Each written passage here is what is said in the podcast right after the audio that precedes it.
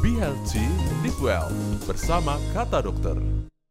Halo sahabat KIH, selamat datang di podcast Kata Dokter Be Healthy, Live Well Persembahan Kasih Ibu Hospital Group Perkenalkan saya Lucy as the host dan di episode perdana kali ini saya bakal ngobrol bareng sama dokter spesialis andrologi Kasih Ibu Hospital Denpasar, Dr. Igusti Ngurah Prame Semara SPAND. Halo dokter, apa kabar? Halo, baik-baik saja, sehat hari ini. Tetap semangat ya? Iya, tetap semangat pasti itu. Ya, dok, episode perdana kita ini cukup menarik. Hmm. Topiknya berupa pertanyaan Hmm. yang biasanya disampaikan oleh para pria, tapi wanita juga perlu tahu Ya, nih dokter. wanita ya. juga perlu tahu dan itu sangat penting ya Sangat untuk penting. keharmonisan pasangan tersebut. Iya.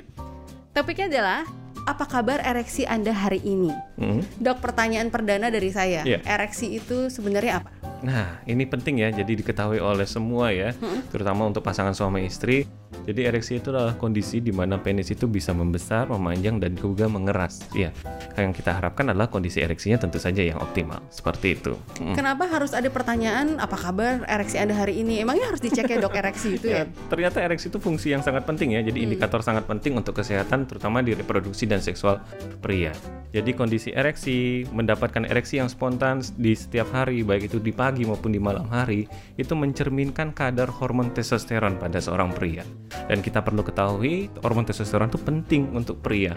Seperti bensin ya. Jadi itu adalah bahan bakarnya seorang pria dan juga bisa menentukan kesehatan lainnya. Tidak hanya Oke. tentang reproduksi dan seksual. Cukup menarik tadi dokter bilang ereksi spontan. Mm. Emang ada dok ereksi yang nggak spontan? Ereksi yang tidak spontan tentu saja yang waktu kita mau berhubungan seperti itu. Ya, jadi berhubungan seksual tentu diperlukan ereksi yang tidak spontan. Nah, ereksi spontan ini artinya dia muncul sendiri. Jadi ereksinya terkadang muncul ketika di malam ataupun juga di pagi hari. Oke. Jadi pada saat hormon testosteron itu meningkat dan itu lepas dari pengaruh kontrol kita. Jadi Oke. itu yang disebut dengan ereksi spontan. Nah kita kembali lagi ke ereksi penis sih dokter ya. Normal ukuran penis pria umumnya itu berapa senti dok? Iya, ini juga harus diketahui ya. Bukan berapa kepada- meter ya dok ya? Iya tentu ya. Ya jadi kita harus ketahui ya sahabat kaya juga penting sekali untuk mengetahui dan sebenarnya bisa dilakukan sendiri di rumah ya periksa sendiri.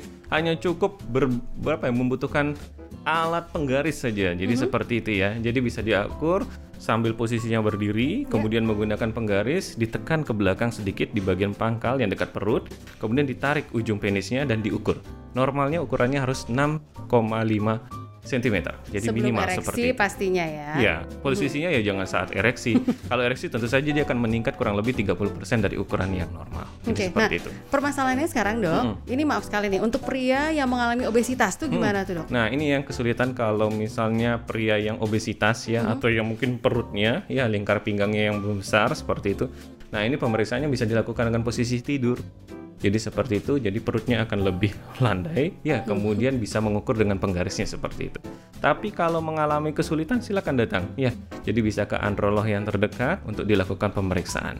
Nah, kondisi yang gemuk atau obesitas ini sering menyebabkan eh, penis itu tampak tidak terlihat ya. Jadi sering disebut dengan burit penis. Jadi terkubur penisnya seperti itu. kurang Jadi tiba-tiba, oh penis saya mana? Iya, kan nggak menghilang kelihatan ya dokter ya. Iya. Oke, nah dok, eh, sebenarnya gimana nih cara menilai ereksi normal atau enggak? Ada nggak sih alat ukurnya? Iya, ada. Ada ada alat ukurnya dan bisa dikerjakan sebenarnya oleh masyarakat ya atau mungkin sahabat kaya di rumah ya. Jadi ada istilahnya namanya score erection hardness score ya. Jadi seperti itu ya. Jadi skor untuk menilai kekerasan daripada ereksi penis. Ya. Itu ada nilai-nilainya dari 4, 3, 2 dan 1. Ya. Jelaskan. dok. Nah, kalau 4 itu ereksinya otomatis yang bagus ya, yang optimal ya. Jadi dia bisa membesar secara optimal ya. Jadi membesar ukuran dari normal sekitar 30 sampai 50% lebih besar, kemudian juga memanjang juga seperti itu dan tentu saja mengeras. Kerasnya optimal sehingga bisa melakukan penetrasi ke dalam vagina. Dianalogikan seperti nah, apa nih dok? kalau dianalogikan seperti timun ya. Bukan ya? terong dok. Beda lagi. Beda Kalau ya? terong mungkin agak lembek ya. Ah. Jadi seperti itu. Kemudian yang ketiga itu adalah ereksinya sebenarnya sudah cukup membesar, optimal juga kekerasannya dan lain-lainnya, bisa penetrasi juga, tetapi tidak seperti skor 4. Jadi rasanya lebih lembek. Ya Hmm. mungkin seperti eh, apa ya? Jadi seperti sosis ya, seperti itu ya. Jadi dia tidak terlalu keras tapi eh, sebenarnya sudah ukurannya sudah cukup optimal. Terlihat keras padahal enggak. Hmm, padahal enggak ya.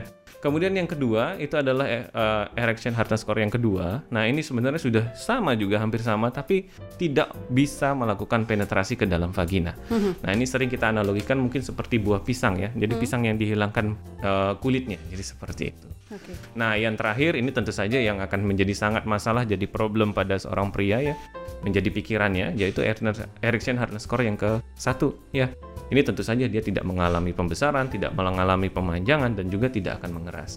Jadi kita ibaratkan seperti mungkin seperti tahu ya atau tape ya, jadi seperti itu ya. Jadi lembek seperti itu. Itu sangat bermasalah berarti Mm-mm, dokter ya, ya. kalau erection hardness score 1 tentu saja butuh penanganan dari seorang androlog. Apa yang mempengaruhi dok sampai orang tersebut ada di skor pertama itu? Nah, banyak hal sih. Mungkin saja ada penyakit yang menyertai ya. Jadi banyak model-model penyakit terutama penyakit-penyakit metabolik ya yang mendasari daripada kejadian disfungsi ereksi. Selain itu adalah masalah psikis juga ya.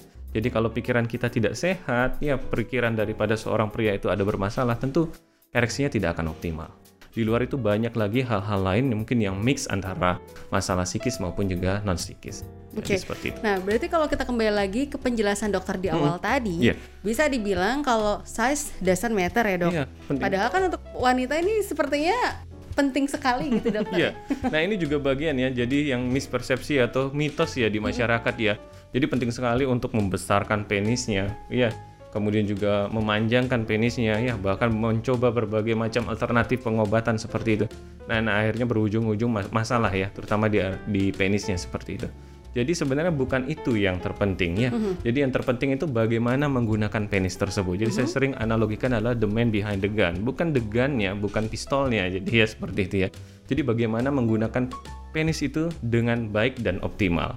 Jadi sebenarnya untuk mencapai rangsangan terutama pada seorang wanita itu tidak butuh penis yang panjang ya. Jadi tidak butuh yang sangat panjang tidak.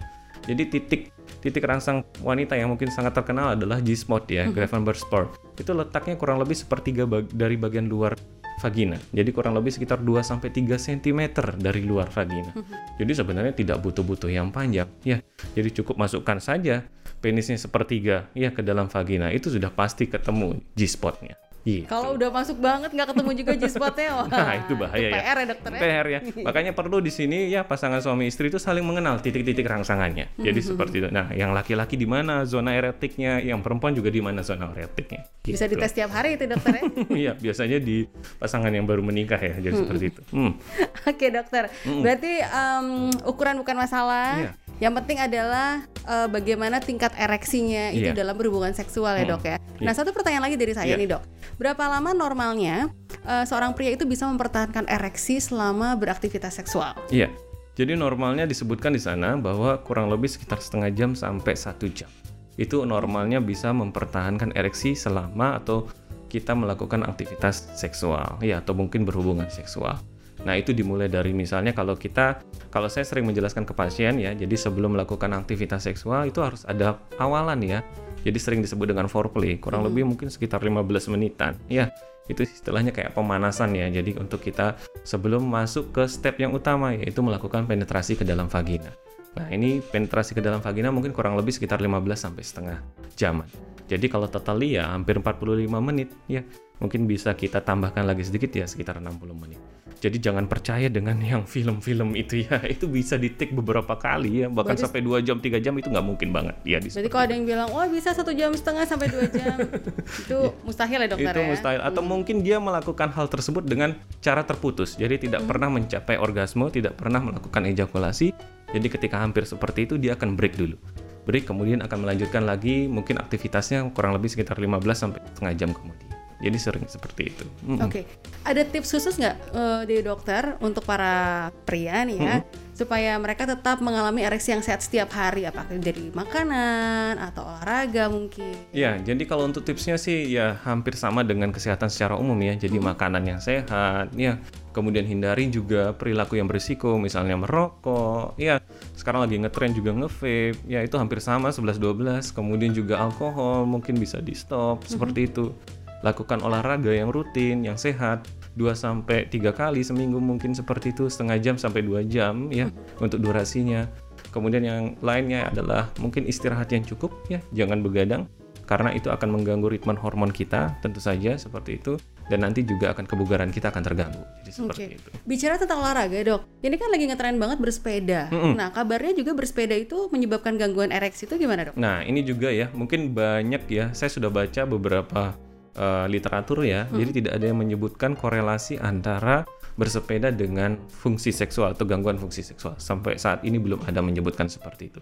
Tetapi dari eh, apa namanya dari asosiasi ya mungkin atau mungkin perkumpulan ahli urologi Eropa itu menyebutkan bahwa kalau kita bersepeda dalam waktu yang lama tentu akan membuat masalah terutama di organ prostat kita. Ya kemudian juga akan berpengaruh pada sistem mungkin terutama ya di sini adalah fungsi daripada reproduksi maupun seksual di sana disarankan jangan bersepeda jarak jauh terutama juga jangan lama jangan lebih dari 5 jam per minggu jadi seperti itu Maksimal 5 jam per minggu. Per minggu, rata-rata iya. kan sehari satu jam lah dokter Iya, ya. Setengah jam sampai satu jam. ya. Mm-mm. Bagaimana dengan mereka yang back to work dok? Nah, yang tadi sudah saya sampaikan bahwa ya mungkin jaraknya jangan terlalu jauh ya, secukupnya saja ya. Jadi seperti itu dan kemudian juga rest ya, ya jadi tidak terlalu panjang, kemudian harus istirahat. Nah, waktu pulang juga seperti itu. Oke. Nah, untuk sahabat KIH nih dokter ya, Mm. yang ingin memeriksakan kesehatan penisnya Mm. gitu ya, atau mungkin juga ada yang ingin bertanya mengenai bagaimana nih uh, ukuran penis yang seharusnya dimiliki oleh yang bersangkutan, Mm-mm. itu mungkin bisa langsung ngobrol sama dokter di Kasibu Hospital Denpasar ya dokter ya? Iya. Bisa diinfokan waktu Oke. prakteknya dok? Ya, baik. Jadi untuk sahabat KIH ya yang mengalami masalah problem terutama masalah seksual ya terkait dengan mungkin kalau tadi sudah disampaikan bagaimana kondisi ereksinya ya bagaimana juga mungkin terkait dengan ukuran penisnya karena ini sering juga bikin masalah bahkan sampai gangguan cemas seperti itu ya. Saya banyak pasiennya seperti itu. Nah itu bisa datang ya. Nanti kita bisa berdiskusi ya. Kemudian juga bisa bertemu ya. Selain itu juga bisa saya melakukan pemeriksaan fisik. Nanti untuk minimal adalah menjelaskan bagaimana kondisi daripada uh, organ reproduksi Anda tersebut. Nah, bisa ditemui saya di Kasih Ibu Denpasar, Jalan Toko Umar nomor 120 ya. Jadi setiap hari Senin, Rabu atau Jumat ya jam 5 sore sampai jam 8 malam. Mungkin seperti itu. Oke dokter Pram, terima kasih untuk Ya. penjelasannya hari ini. Semoga seluruh sahabat KIH yang pria nih ya mengalami ereksi yang sehat setiap hari. Iya, oke. Ya, dan sahabat KIH untuk Anda yang ingin mengetahui lebih dalam mengenai dunia kesehatan lewat channel Facebook dan Instagram @kasih_ibu_hospital, langsung aja ya, bisa juga subscribe YouTube channel kita di KIH TV. So jangan tunda untuk sehat karena kesehatan merupakan hal yang utama. Kita ketemu lagi di episode selanjutnya. Terima kasih sudah mendengarkan Kata Dokter. Sampai jumpa di Kata Dokter selanjutnya.